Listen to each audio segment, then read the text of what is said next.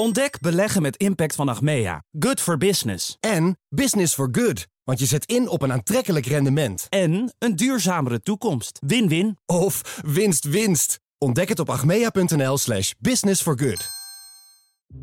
Om te beginnen knalde de koers in, in, in moordend tempo naar beneden. Dus ik denk dat in een week tijd, wij spreken 90% van de beurswaarde van Steinhoff verdampte. Dan hebben we het dus echt over uh, ergens richting de 10 miljard dat uh, in rook opging. En dat is dus het geld van papa's, mama's, opa en oma's, met name in Zuid-Afrika. Pensioenfondsen, institutionele beleggers over de hele wereld. Zagen dus allemaal het geld zo weg. En it's gone. Niet elk ondernemersavontuur eindigt met een notering in de quote 500. Niet elk bedrijf overleeft een flinke crisis. Niet elke onderneming weet het financiële spel goed te spelen. En als alles misgaat, als de chaos regeert en schuldeisers aan de poort rammelen, dan breekt het tijdperk van de curator aan. In deze serie praten mijn collega Elisa Hermanides en ik, Thomas van Zel, over onvergetelijke faillissementen met de puinruimers van het bedrijfsleven. Dit is Onder Curatoren. Elisa, grootschalige boekhoudfraude. Waar denk jij dan aan? Ja, dan denk ik eigenlijk aan Ahold, waar in 2003 natuurlijk aan het licht kwam dat de top fraude had gepleegd. Ik herinner me nog heel goed uh, de beelden van uh, topman Kees van der Hoeven op het journaal. En het verhaal natuurlijk van de side letters, waar het ene na het andere over naar buiten kwam. Uh, nou ja, dat weet je ongetwijfeld ook nog. Nou ja, ik, ik ben nog naar een theatervoorstelling geweest van De Verleiders. die ook op dat Ahold-schandaal ingingen. En ik herinner me ook nog de teleurstelling van de inmiddels overleden Albert Heijn. Want ja, topman Kees van der Hoeven, dat was zijn protégé. Die moest het gaan doen, die moest het gaan redden. Ja, maar die maakte Ahold uh, bijna kapot. Maar Ahold ging niet failliet. Vandaag gaat het eigenlijk ook over een bedrijf wat niet failliet is gegaan. Dus dat is al even apart voor ondercuratoren. Maar wat ook wel interessant is, is dat Ahold is misschien wel een van de grootste boekhoudfraudes in de Nederlandse geschiedenis. Maar misschien hebben we het vandaag wel over een fraude uh, die nog groter is maar die toch eigenlijk vrij onbekend is gebleven in Nederland. Terwijl het wel gaat om een Nederlands bedrijf. Tenminste, dat is een beetje hoe je het uh, wil zien. Het gaat om uh, Steinhoff, een meubelgigant. Nou, en hoe het nou precies zit, is het nou Nederlands, dit bedrijf, of niet? dat kunnen we misschien het beste vragen aan onze gast van vandaag. En dat is Quirijn Bongaert, advocaat bij Berkway. Van harte welkom. Dankjewel.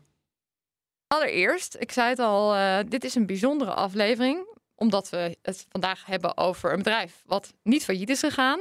Wel in surveillance van betaling is gekomen.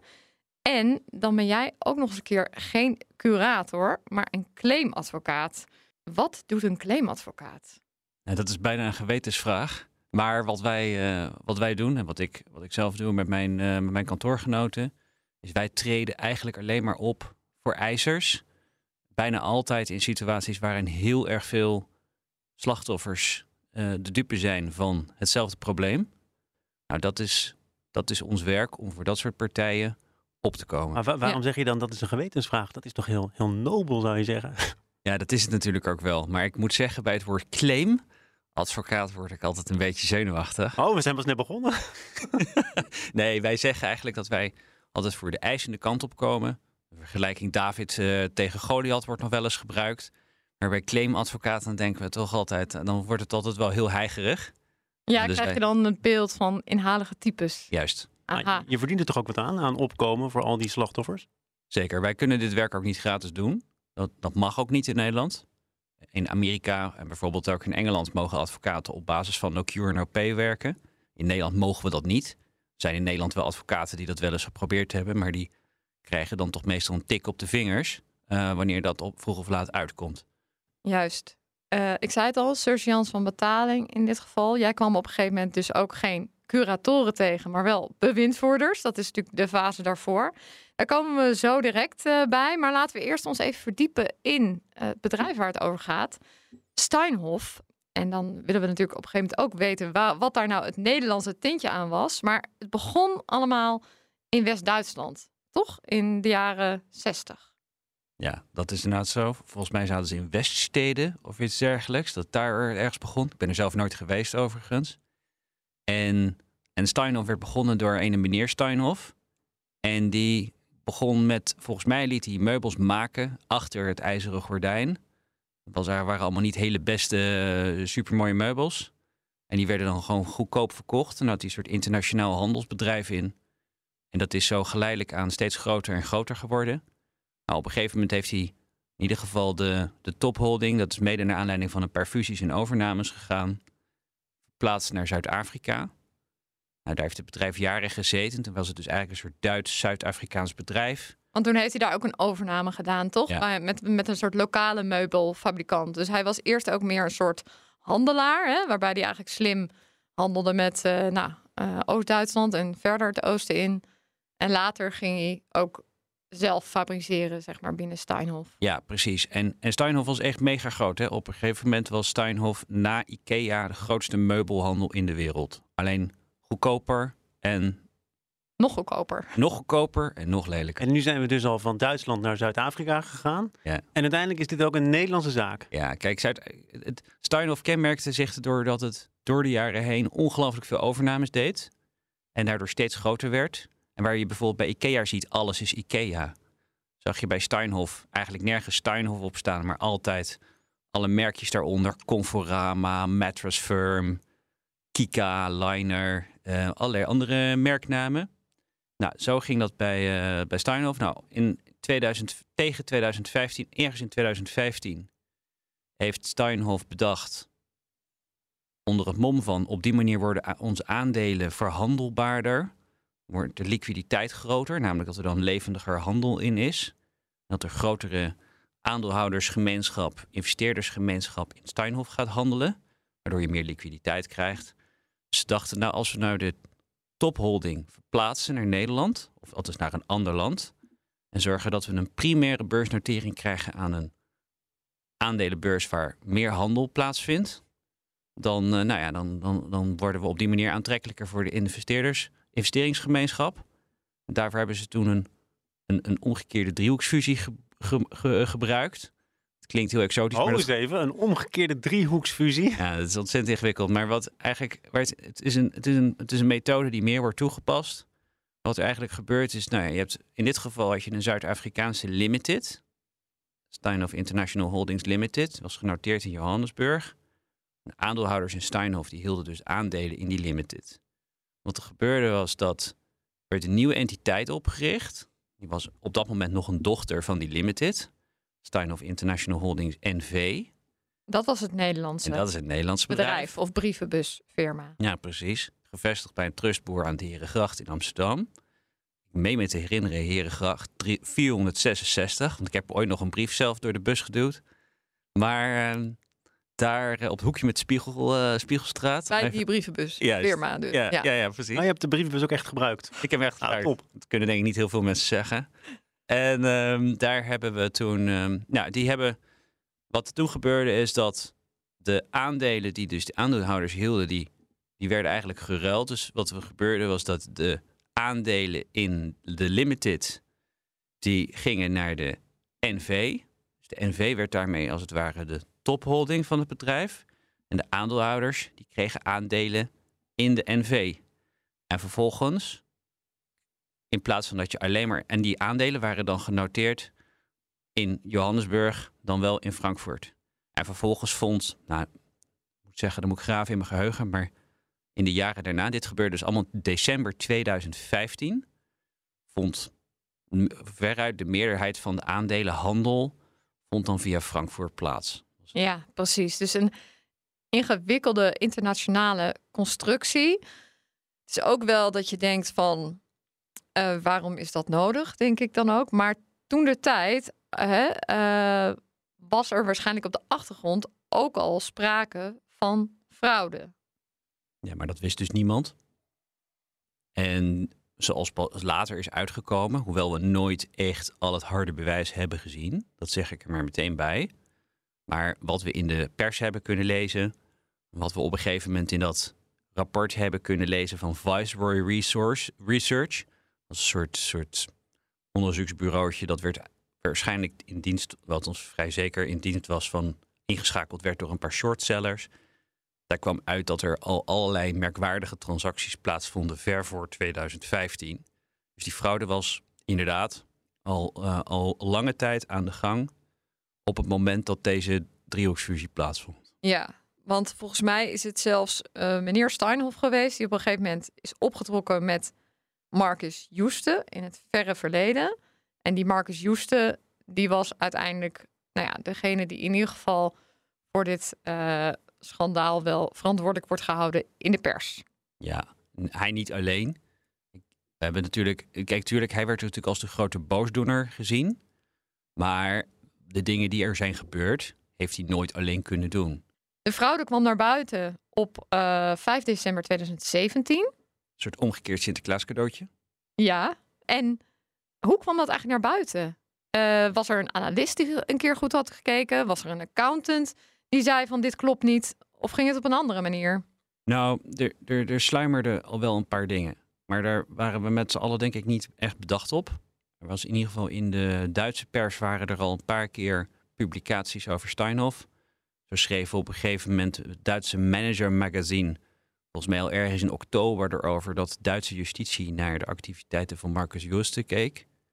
En, en later in november waren er ook geruchten over dat er misschien iets niet klopte aan de boeken van Steinhoff, maar dat werd niet enorm opgepakt. Dat deed, had trouwens wel consequenties voor de beurskoers hoor. Toen dat publicatie in Manager Magazine leidde geloof ik al tot een koersval van 14%. Dat is behoorlijk significant. Maar toen in december, toen heeft de accountant het bestuur laten weten dat er echt iets niet klopte. Toen kwam er dus op 5, 6 december kwam er een persbericht naar buiten vanuit Steinhoff. Waarin ze schreef dat er grote onregelmatigheden waren aangetroffen. Dat Joost dus een ontslag had aangeboden. Wacht even, die accountant die was toch al jarenlang Zeker. zeer betrokken bij de zaak en moest die cijfers van Steinhoff toch ook al jaren controleren? Zeker, dat was vanaf 2015 was dat Deloitte Nederland. En in de tientallen jaren daarvoor was dat Deloitte Zuid-Afrika.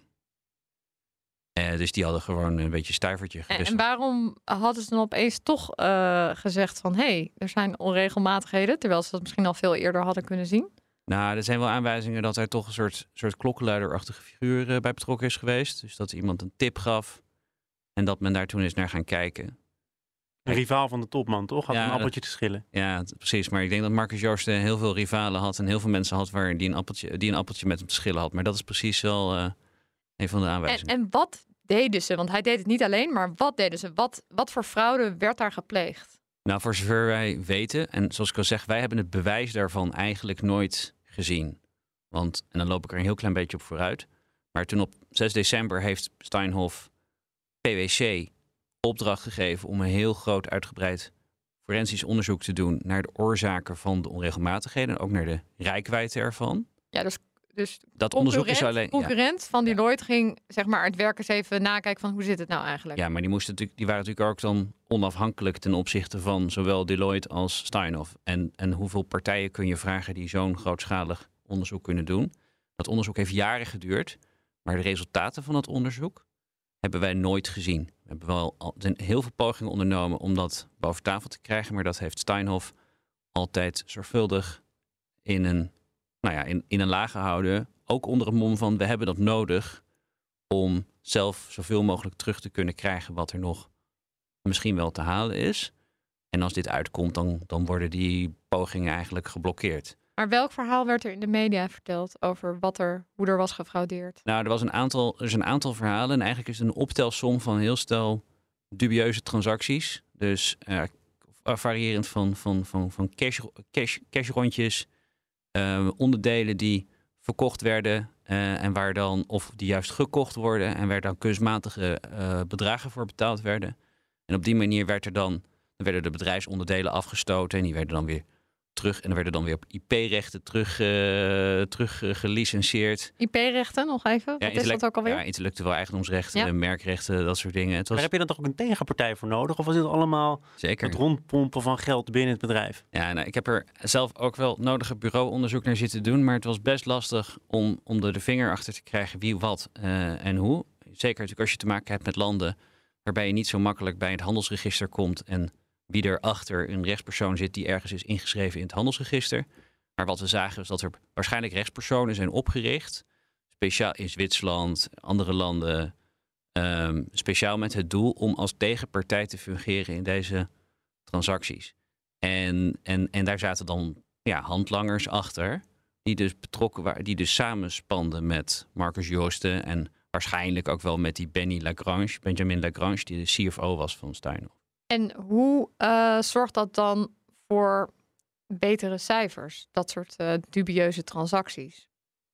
Nou, ze hebben eigenlijk, voor zover wij, wat wij, zoals wij het altijd omschreven, het was cooking the books. Dus ze beschreven eigenlijk werd gewoon de balans is opgeklopt, uh, omzet werd opgeklopt. En, en daar gingen dus miljarden meer door het bedrijf heen. En het bedrijf was kort gezegd miljarden meer bedrijf, meer waard op papier dan dat het in werkelijkheid zo was. Dus toen op een gegeven moment er tussentijdse uitkomsten waren van dat PwC-rapport. Dat duurde wel een tijdje. Ik meen me te herinneren dat dat ergens in maart 2019 was. Toen gaf Steinhoff een heel sumier tussentijds, uh, volgens mij heette dat Report of Findings of zoiets. En dat waren vijf, zes bladzijden. Er stond eigenlijk bijna niks in, behalve dat gewoon de balans en alles gewoon met vele miljarden overstated was. En um, eind 2017 werd dit bekend. En toen schrokken beleggers zich natuurlijk een hoedje. Ja, dat Wat gebeurde er met de, met, met de aandelenkoers? Nou, er gebeurden eigenlijk twee dingen. Om te beginnen knalde de koers in, in, in moordend tempo naar beneden. Dus ik denk dat in een week tijd, wij spreken 90% van de beurswaarde van Steinhoff verdampte. Dan hebben we het dus echt over uh, ergens richting de 10 miljard dat uh, in rook opging. En dat is dus het geld van papa's, mama's, opa's en oma's, met name in Zuid-Afrika. Pensioenfondsen, institutionele beleggers over de hele wereld. Zagen dus allemaal het geld zo weg en it's gone. En dat is één. En er gebeurt ook nog iets anders, want Steinhoff was in belangrijke mate gefinancierd met obligaties.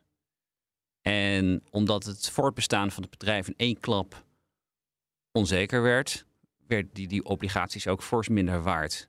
Dus dat betekent dat niet alleen aandeelhouders die dumpten hun aandelen, wat je destijds, jij had het net over Ahold, ja. natuurlijk bij Ahold ook gebeurde. Maar je had natuurlijk opeens ook allemaal van die houders van die obligaties, schuldeisers dus, die dachten, oh, misschien kan Steinhoff straks de rekening niet betalen. Die ze, dus, dus, dus ja, toen, uh, die dumpten ook hun obligaties. Ja. En wat er gebeurde was, nou ja, die aandelen die werden gewoon gekocht door mensen. Uh, of door, door, door partijen. Is niet zo interessant eigenlijk bijna. Maar die, die, die obligaties die werden gekocht door beleggers die er op een beredeneerde gok maakten, zou je kunnen zeggen. Dat het misschien allemaal wel wat minder rampzalig zou gaan aflopen. Als speculanten. Ja, nou, dat, inderdaad, jij noemt speculanten. We zouden dan denk ik zeggen um, event-driven uh, investeerders. Ja, precies, speculanten uh, dus. Weet je, wat ik wel interessant vind, um, is dat uh, het doet me ook een beetje denken aan Imtech ergens, dit verhaal. Want er zijn veel overnames ook gedaan en, en fusies. En er waren volgens mij momenten dat de cijfers, de omzetcijfers stegen met 350 procent meestal als een verhaal heel erg mooi is, dan is het te mooi om waar te zijn. Dus heeft geen van die beleggers een keer gedacht van, hmm, klopt dit eigenlijk wel, dit hele Steinhoff uh, jubelverhaal? Er zijn wel partijen geweest die dachten dat het inderdaad te goed was om waar te zijn. Wat overigens bij Imtech ook zo was. Hè. Maar dat zijn ook... de mensen die jij vertegenwoordigt. Hè? De, de slachtoffers hadden dus, dat is eigenlijk een beetje de aard van de opmerking, ook wel beter kunnen weten. Nou, daar moet je wel heel goed voor weten. Kijk, ik denk dat je moet, dan moet je, de, dan moet je eigenlijk het bedrijfsmodel, eh, de cijfers, andere dingen die je weet, ja, maar die moet je heel de, de percentages die Elisa net noemt, dat kan toch bijna geen zuivere koffie zijn? Nou, kijk, dat is, uh, dat, is, dat is natuurlijk eigenlijk net iets. Ik denk dat dat net iets te makkelijk is. Om precies te weten dat het. Je moet je realiseren dat dat bedrijf heeft natuurlijk jarenlang zijn, uh, nou ja, dan ga je dan maar vanuit zijn geld verdient. Er zitten mensen in het bestuur, in, in de raad van commissarissen, die er die, geloofwaardig, die geloofwaardigheid hebben. Bijvoorbeeld omdat ze een hele serieuze functie bij een ander bedrijf hebben gehad. Je hebt natuurlijk een accountant die die jaarrekening nakijkt. En, en die accountant die heeft een, toch een bijzondere functie in het uh, maatschappelijk verkeer. Dus, dus je mag er toch wel, moet er wel op kunnen vertrouwen dat hij zijn werk uh, behoorlijk doet. Het bedrijf. eh, dus dat, zijn, dat zijn allemaal factoren waar je dan op afgaat. En waar je dan dus als, als, als investeerder ook op afgaat. En laten we wel wezen, er zijn bedrijven die het. Maar er was ook een, kritisch rapport op een gegeven moment van eh, JP Morgan. En dat is toch wel een grote naam.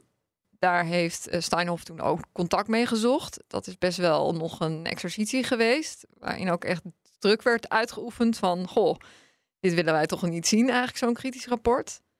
Dus de signalen waren er wel. En die hadden natuurlijk toch kunnen doordruppelen naar eh, die beleggers. Ja, ik denk dat Steinhoff was altijd heel uitgesproken in het verleden als er iets uitkwam wat, wat, wat, wat zo onwelgevallig was. Want toen bijvoorbeeld die publicaties, volgens mij was het de publicaties van, van Manager Magazine of het was een andere aankondiging, jij noemt het JP Morgan rapport. Dus er zijn er meer voorbeelden aan te wijzen dat er iets werd geschreven en dat Steinhoff daar dan meteen fel op reageerde en het ontkende. Wel best bijzonder, maar dat deden ze heel, dat deden ze gewoon altijd heel stellig. En misschien is het ook niet zo gek hè, dat iedereen er zoveel fiducie in had. Want een van de rijkste mannen van Zuid-Afrika, die had er ook enorm veel fiducie in. Zeker weten. Toen hij namelijk zijn bedrijf verkocht aan Steinhoff, kreeg hij daar aandelen voor terug als koopprijs. Dat deden meer partijen die via die vele overnames van Steinhoff hun bedrijven verkochten aan, aan, aan Steinhoff. En, en hij was zelfs zo enthousiast over Steinhoff dat hij bij de bank ook nog even eh, paar miljard extra leende om nog wat eh, extra aandelen in Steinhoff te kopen. Dit was Christo Wiese, toch? Klopt. En die was ook chairperson of chairman van de supervisory board. Maar dat was hij nog niet zo lang toen dit nieuws naar buiten kwam. Toch een jaar, anderhalf jaar of zo? Ja, een paar jaar. Want Ja. hij had een claim tegen zowel, zou later blijken, een vordering tegen zowel de oude Zuid-Afrikaanse topholding als tegen de Nederlandse NV. Maar jij denkt niet dat hij er ergens een idee van had dat er fraude was gepleegd? Ik vind dit een heel moeilijk te beantwoorden vraag. Want, Ah, want eigenlijk ieder, iedere logica verzet zich er tegen dat je je laat uitbetalen in de aandelen van een bedrijf wat eigenlijk gewoon een hele grote rokende puinhoop lijkt, blijkt dan op enig moment. En dat je ook nog eens extra geld leent om aandelen in datzelfde bedrijf te kopen. En dat je dan vervolgens als voorzitter van de Raad van Commissarissen gaat zitten, waarmee je dus ook nog zelf een aansprakelijkheidsrisico loopt. Waarom zou je dat allemaal doen? Als je weet dat het eigenlijk allemaal niks is. Als je zo geïnvesteerd bent. Waarom vind je het dan toch een moeilijke vraag? Want dit zijn allemaal argumenten die ervoor pleiten dat hij het inderdaad niet wist. Omdat die man namelijk wel de voorzitter van de Raad van Commissarissen is. En, je, en, en het is gebruikelijk dat een Raad van Commissarissen ook een rechtstreekse lijn heeft met de accountant. Je mag aannemen dat die man, toen hij zijn eigen bedrijf aan Steinhoff verkocht, dat hij toch ook wel zelf zijn due diligence deed naar Steinhoff. Eh, voordat hij zelf zich liet uitbetalen in aandelen en niet in cash. Dat, dat, dat zou je dan toch mogen aannemen. Dus het is in die zin ook heel moeilijk voorstelbaar. Eh, hoe kwam eh, dit alles op jouw pad eigenlijk? Nou, ik, had, ik was voor mezelf begonnen met mijn eigen kantoor in 2017. Eh, augustus, september 2017, zoiets. Was gewoon verder prima bezig en eh, had wel leuke zaken en was ik lekker mee bezig. Toen nam ik een... Maar ik had altijd al veel met aandeelhoudersschade gedaan. Ik ben daar ooit in verzeild geraakt eh, met Fortis. En eigenlijk zelfs helemaal aan het begin heb ik zelfs nog iets met World Online te maken gehad. Ook Ahold, wat je noemde, ken ik ook wel- iets beter. Dus ik had daar al meer mee gedaan. En toen had ik net een abonnement genomen op, bijna vloeken in de kerk hier, op de Wall Street Journal. Daar kan er gewoon naast bestaan hoor. nee, toen had ik, toen had ik dus dat eh, krantabonnement. En dat had ik gewoon net een week. Ik zat het te lezen. En toen las ik iets over enorme, nou ja, over een enorme zeepert met een bepaald bedrijf, namelijk Steinhoff. En ik dacht, die naam die ken ik ergens van. Eh, want ik had namelijk ooit een keertje een artikeltje geschreven over, over bedrijven in Nederland die verder hier niet zo heel veel te zoeken hadden. Althans, ogenschijnlijk. En toen dacht ik van, nou, dat Steinhoff, ik ken dat. En toen zag ik dat een NV was. En ik zag toen opeens, nou ja, op zoveel miljard de lucht in. Ik dacht, nou, potverdorie, daar moet ik toch wel, moet, daar moet ik wat mee. Dus toen heb ik een, een partij gebeld waar ik destijds in Fortis ook mee gewerkt had. Toen zei ik van, joh, hebben jullie dit gezien? Dit, eh, dit, is, dit is, hier moet je wat mee. En dat is een partij die voor, voor institutionele beleggers eh, optreedt. Hoe heet die partij? eh, DRRT. En zij hebben, wat zij eigenlijk doen, is zij, zij hebben een hele grote klantenbasis van institutionele beleggers. Dus pensioenfondsen, uh, sovereign wealth funds, uh, verzekeraars. En die um, over de hele wereld. En, als er dan, en zij, zij behartigen hun belangen. Ze letten eigenlijk op dat als er ergens zo'n situatie is waarbij nou, bijvoorbeeld de markt misleid is, dan gaan zij partijen, nou dan melden ze die vorderingen aan als daar ruimte voor is. Met name in Amerika, waar natuurlijk, je natuurlijk hele, al die class action settlements uh, hebt. Uh, of ze brengen zelf partijen bij elkaar die dan zo'n zaak kunnen, nou ja, om, om die zaak dan van de grond te krijgen. En dat is wat, ze hier gedaan, wat we hier gedaan hebben. Maar het feit dat Nederland zo aantrekkelijk is voor brievenbusfirma's, dat maakt het voor jou eigenlijk ja, ook aantrekkelijk om daarop in te springen als uh, claimadvocaat. Nou ja, in dit geval natuurlijk wel ja. Want ja. we hadden dus opeens gewoon een zaak met een hele duidelijke Nederlandse invalshoek. Nou, het was natuurlijk wel niet alleen een Nederlandse invalshoek. Want zoals ik al zei, er werden allerlei partijen bij elkaar gebracht. Dat betekende dat we hier in Nederland een, een stichting hebben opgericht die als belangenorganisatie heeft opgetreden voor de beleggers. Dus die is ook gaan procederen in Nederland onder het Nederlands collectief actierecht. Dus dat deed ik als advocaat. Dan werkten we samen met een Zuid-Afrikaanse advocaat. En die is toen voor beleggers in Zuid-Afrika een class action onder Zuid-Afrikaans recht begonnen. We werkten samen met een Duitse advocaat en die voerde ook een procedure voor Duitse beleggers. En dan was er een procesfinancier, Ethereum, een Engelse procesfinancier, en die financierde dat allemaal voor. Dus zo hadden we een heel, eigenlijk een, nou, overal waar iets kon gebeuren, daar hadden wij, uh, nou, daar probeerden we wat te doen.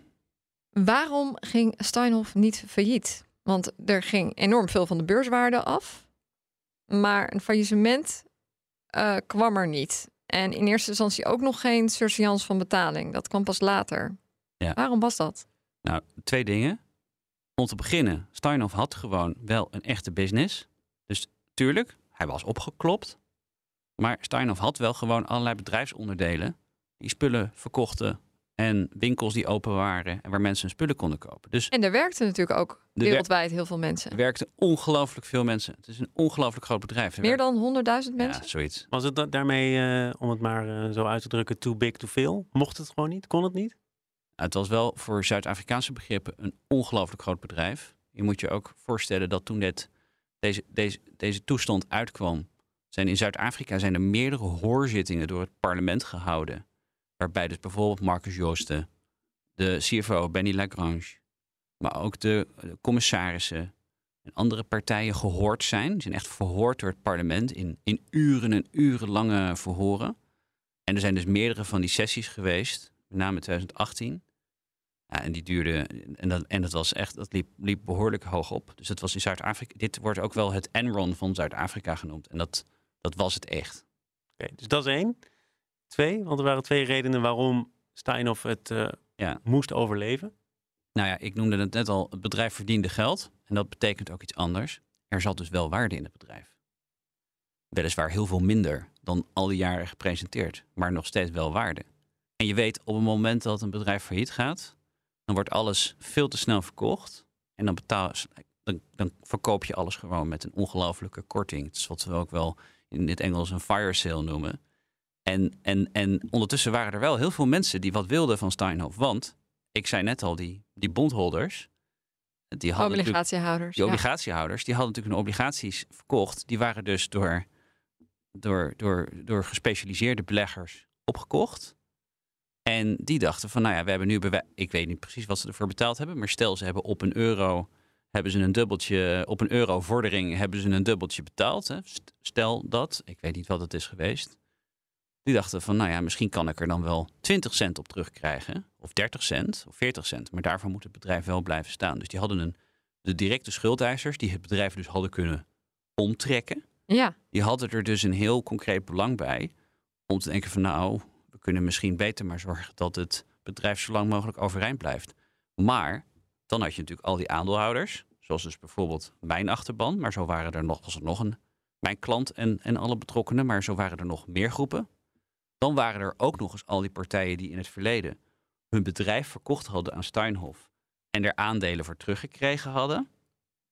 Waaronder Christo Wiese, overigens. Dus die man was niet alleen voorzitter van de Raad van Commissarissen, maar opeens ook een van de grootste tegenpartijen. En die wilden natuurlijk allemaal wel eigenlijk zoveel mogelijk eruit halen. Uiteindelijk kwam Steinhoff wel in surseance van betaling. En wat was daar de reden voor dat dat in 2021 dan toch gebeurde? Er is heel lang over onderhandeld met alle betrokken partijen die wat van Steinhoff wilden. Nou, om te beginnen is er onderhandeld met dus die, met die obligatiehouders.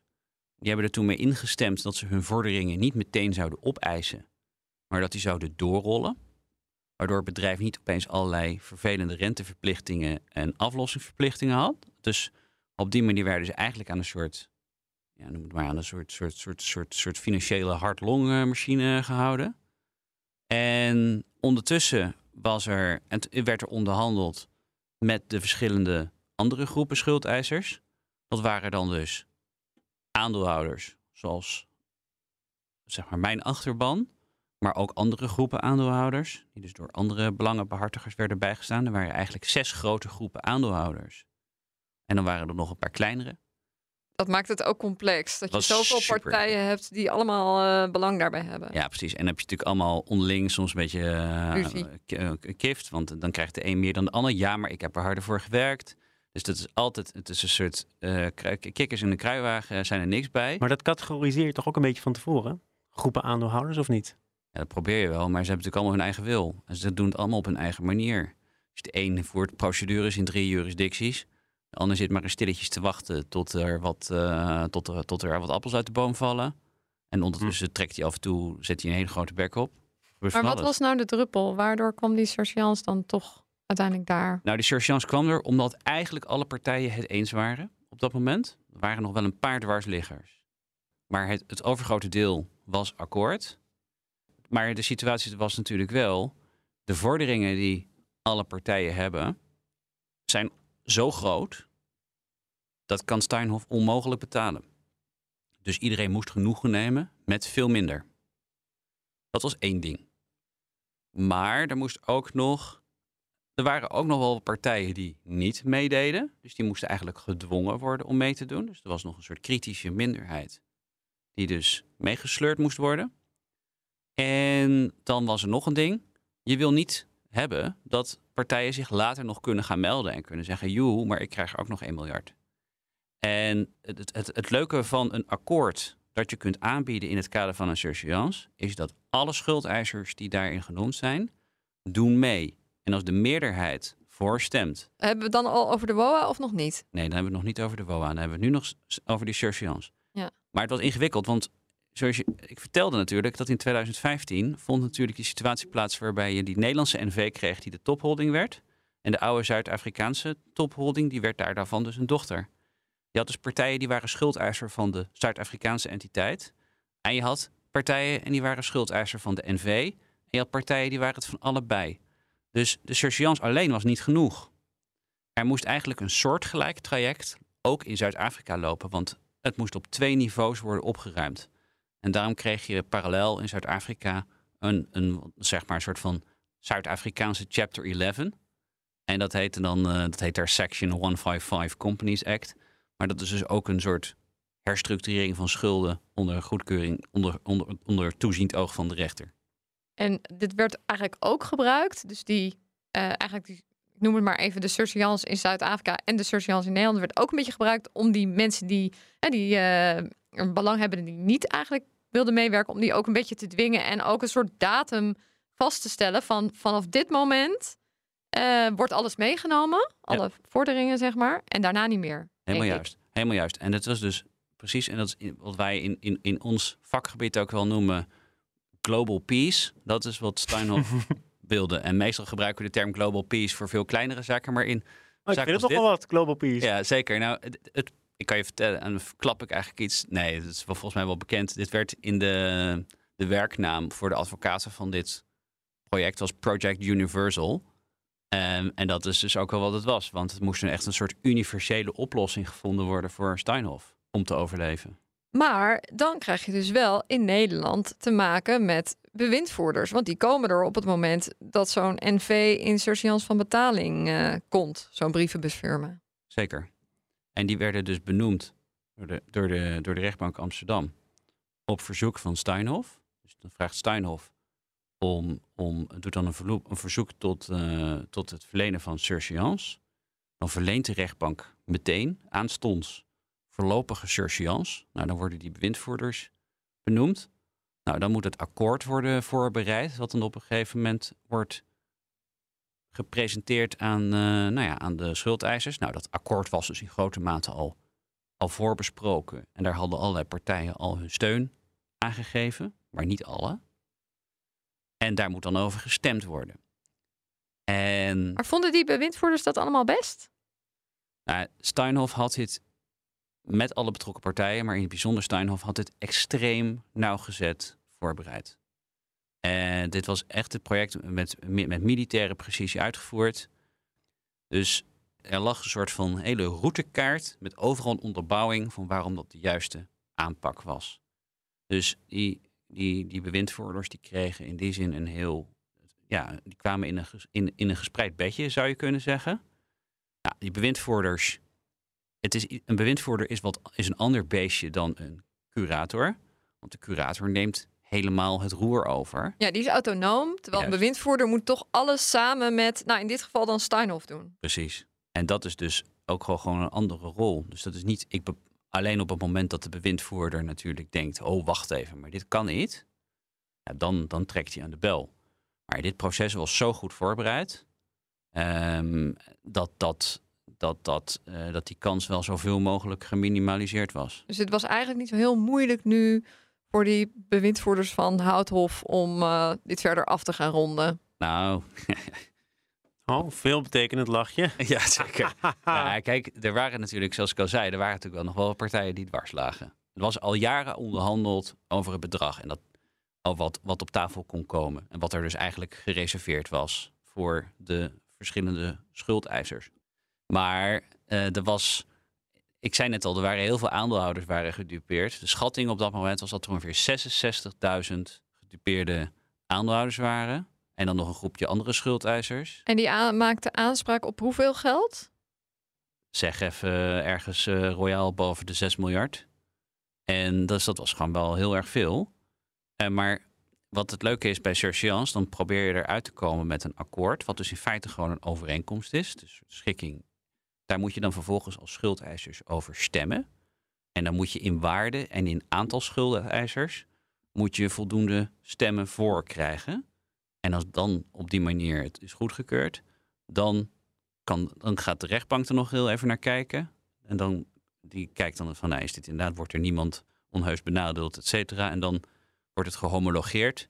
En als dan de beroepstermijn verstreken is, dan is dat dus finaal en verbindend.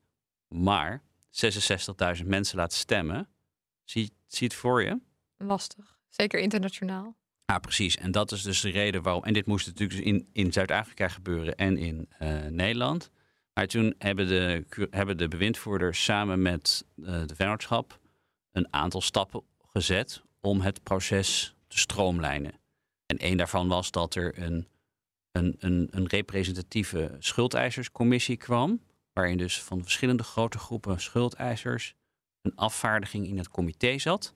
En dan zat er om de belangen van wat je zou kunnen zeggen de zwijgende meerderheid uh, ook nog te waarborgen, zat er ook nog een aantal onafhankelijke leden in. En die gingen dan dus in plaats van die 66.000 mensen, gingen die dan stemmen over dat schuldeisersakkoord.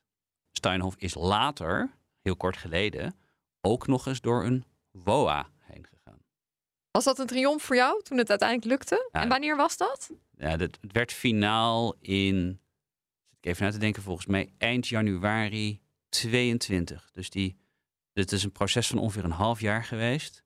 Dus op een gegeven moment zijn er nog wel voorwaarden, een klein beetje aangepast en zo. Dit was trekken en duwen. Maar toen dat dan klaar was, ja, dat is natuurlijk wel. Maar is het, is het ook niet afhankelijk of het een triomf is of niet, wat je dan uiteindelijk voor jouw klanten binnenhaalt? Natuurlijk, want als dit proces niet was toen, toen wij met dit hele avontuur begonnen, in 2018, was dat het bedrijf kon ook gewoon kopje onder gaan. Sterker nog, de sterren stonden best, uh, ongunstig. Best, best ongunstig. En geleidelijk aan het gedurende proces begon er naar uit te zien dat het misschien wel gewoon echt opgelost kon worden. En dat Want ze vond- deden nog een hele interessante verkoop, toch? Op een gegeven moment ook, Steinhoff. Ze hebben een deel verkocht, waardoor er wat cash ook vrij kwam. Steinhoff heeft aan de. Eigenlijk zijn ze vanaf het moment dat ze de boel gingen redden, zijn ze gaan kijken van nou ja, welke bedrijfsonderdelen krijgen we aan de praat? Welke onderdelen kunnen we het beste verkopen? En dat is dus ook doorgegaan, voor zover ik weet, nadat onze schikking, eh, zeg maar dus die surseance, eh, voltooid was en, en finaal. Maar dat werd die pas nadat in Zuid-Afrika dus het flankerende proces ook finaal was. Die schikking was er dus, januari 2022 ongeveer. Hè? En wat heeft het uiteindelijk jouw club eh, opgeleverd, deze schikking? Nou, het hangt er wel vanaf wat je bedoelt met jouw club. Want dat is, dat is natuurlijk ontzettend advocatenantwoord. De beleggers die je vertegenwoordigt. Ja, de, de beleggers die wij vertegenwoordigden, hebben er, moet ik wel even een beetje graven, maar die hebben er ettelijke tientallen miljoenen uiteindelijk uitgehaald. Dus wij hebben op een gegeven moment wel vooruitzicht gehad op dit bedrag is voor onze achterban. Dat bedrag is overigens ook niet openbaar. Ehm, maar vervolgens, maar dat is wel af te leiden uit de verdeling van bepaalde afspraken die wel openbaar zijn. Wa- Wat was uiteindelijk de totale schikking voor iedereen?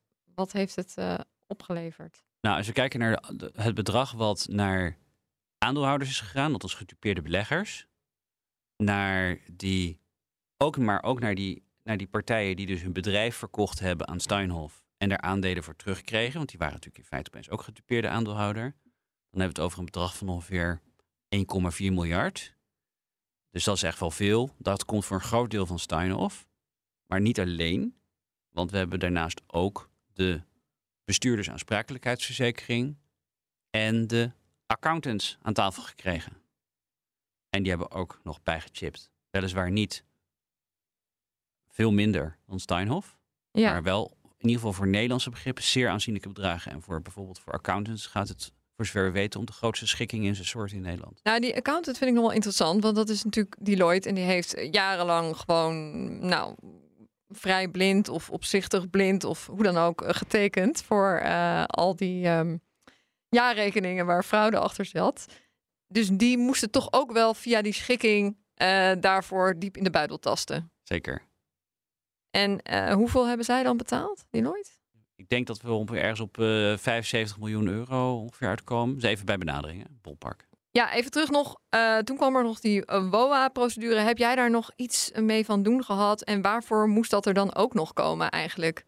Ja, dat is, ik heb met die WOA niks gedaan. Wij waren er echt helemaal, eigenlijk helemaal uit nadat het geschikt is. Want nou, je moet je voorstellen dat enorme geldbedrag heeft Steinhoff toen, nou, ik noem maar eventjes, overgemaakt naar een, een derde, naar stichting, naar de Steinhoff Recovery Foundation. En die bewaart dus dat, dat schikkingsbedrag.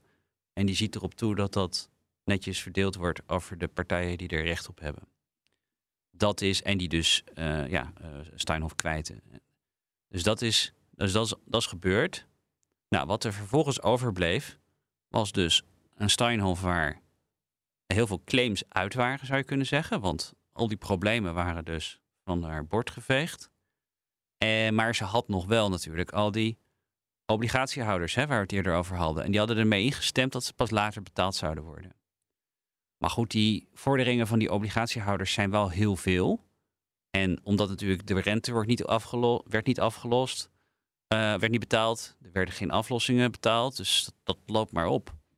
En toen hebben ze besloten dat het eh, wel weer tijd werd voor een nieuwe herstructurering.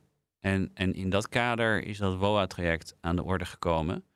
Nou, dan waren er natuurlijk ook nog wel gewoon aandeelhouders, maar het bedrijf Steinhoff was, was wel echt wel, wel heel weinig waard geworden. Omdat je natuurlijk gewoon als aandeelhouder hoogstwaarschijnlijk out of the money bent, omdat de schulden gewoon te hoog zijn. Maar het bestaat ondertussen dus nog steeds. Zeker. En, en, en het is dus, en er worden dus delen worden verkocht, eh, andere delen worden, lopen goed. Het, is, eh, het, is, het gebeurt van alles op dat vlak. En in dat kader hebben ze dus op een gegeven moment bedacht van nou, we gaan het bedrijf, eigenlijk alle activiteiten, activa en passiva, gaan we overdragen aan een nieuw bedrijf. En dat bedrijf is dan niet beursgenoteerd. En dan gaan we rustig al die activiteiten, denk ik, af, gaan ze gewoon afwikkelen. En dan zullen de schulden herschikt worden. En dat is dus wat ze met die, wat die obligatiehouders aan het doen zijn geweest. Maar ja, omdat het niet beursgenoteerd is, dan heb je natuurlijk als aandeelhouder in een beursgenoteerd bedrijf wel een probleem. En dat is wat bij die WOA-procedure speelde. Want eigenlijk was dus iedereen akkoord met deze herschikking.